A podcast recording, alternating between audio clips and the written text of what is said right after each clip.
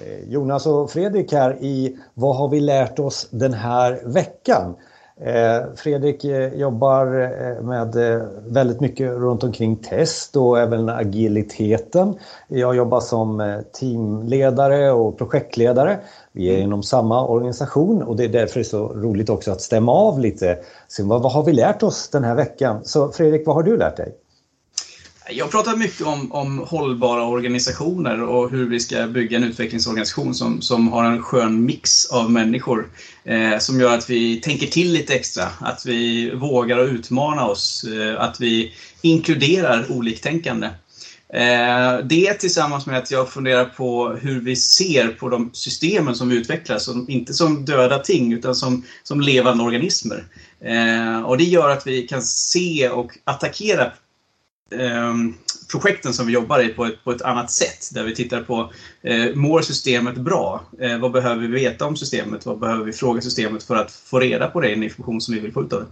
Det låter väldigt, väldigt filosofiskt, eh, kanske till och med lite flummigt för en del. Eh, så vad, vad, vad, tror du, vad, vad, tror du varför insikten har kommit? Ja, det lät inte som att den har kommit den här veckan, men, men varför tror du att du har kommit till de här eh, tankarna och, och lärdomarna just nu? Jag tror att eh, marknaden behöver en förklaring till varför datadrivna beslut är någonting som, som vi, vi behöver bli bra på. Eh, tror vi att, att ett system alltid beter sig exakt likadant hela tiden så, så, så kanske inte vi behöver datadrivna beslut.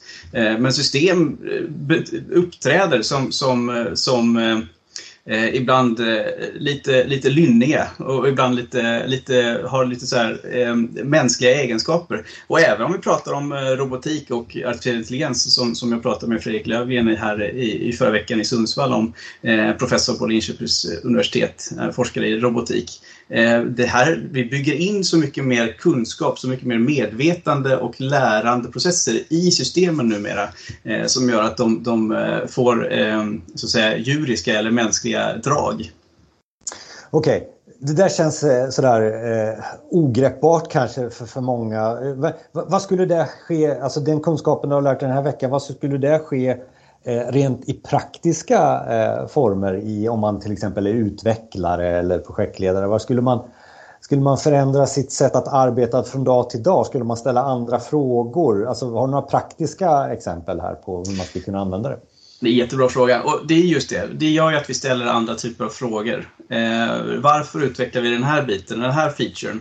Eh, är det för att systemen ska kunna hantera eh, motgångar bättre? Eller är det för att systemen ska kunna eh, sprida eh, mer nytta ut till, till eh, de som, som interagerar med systemen.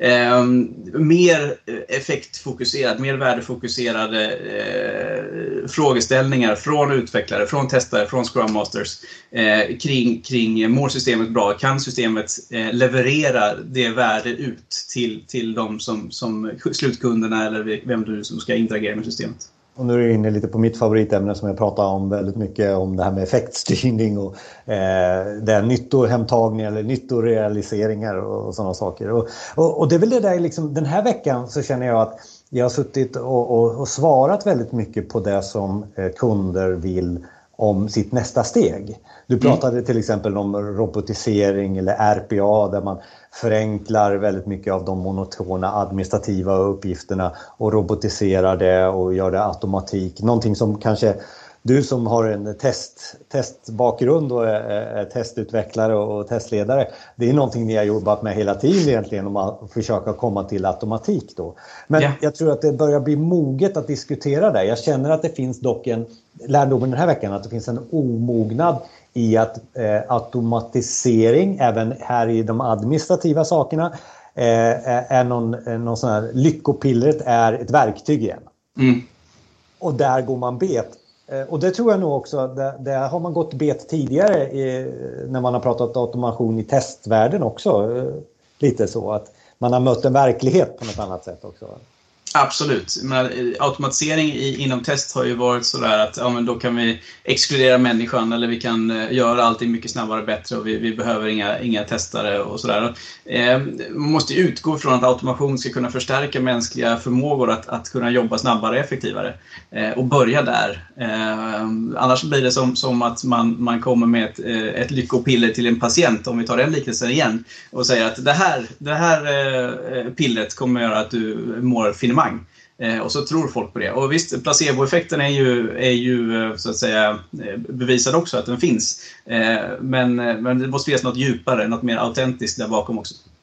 Och jag känner att jag kommer ju till det här med att eh, okej, okay, 20% kan vara verktyget i, om vi pratar RPA då, men mm. 80% är processer, återigen. Absolut. Och, Människor och måste möta verktyget, måste möta processen och känna att ja, men det här passar mig, det här passar mitt arbetssätt. En annan insikt också kopplat till, förlåt, kanske din här också med, med cloud och AI. Jag känner att eh, kunder i, runt omkring mig börjar moget fråga på cloud och moget fråga på AI. Förstår du vad jag menar? Alltså att, alltså att cloud mm. är, är liksom, det börjar bli greppbart nu också.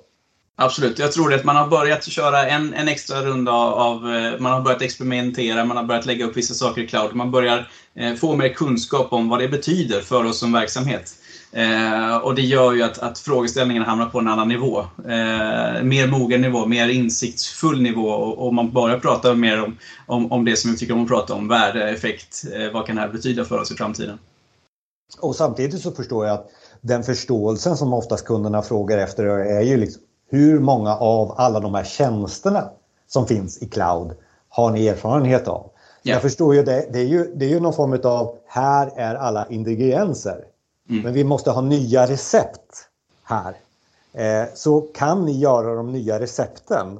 Det är mm. liksom det man frågar på nu. Vi förstår ju att vi, vi, är, väldigt, vi är duktiga och kunniga i att göra utvecklingsprocesser runt omkring recept som vi kanske har gjort under några år. Men nu ska vi fylla de här, vi kanske ska göra nya recept med mm. hjälp av de här nya ingredienserna. Då.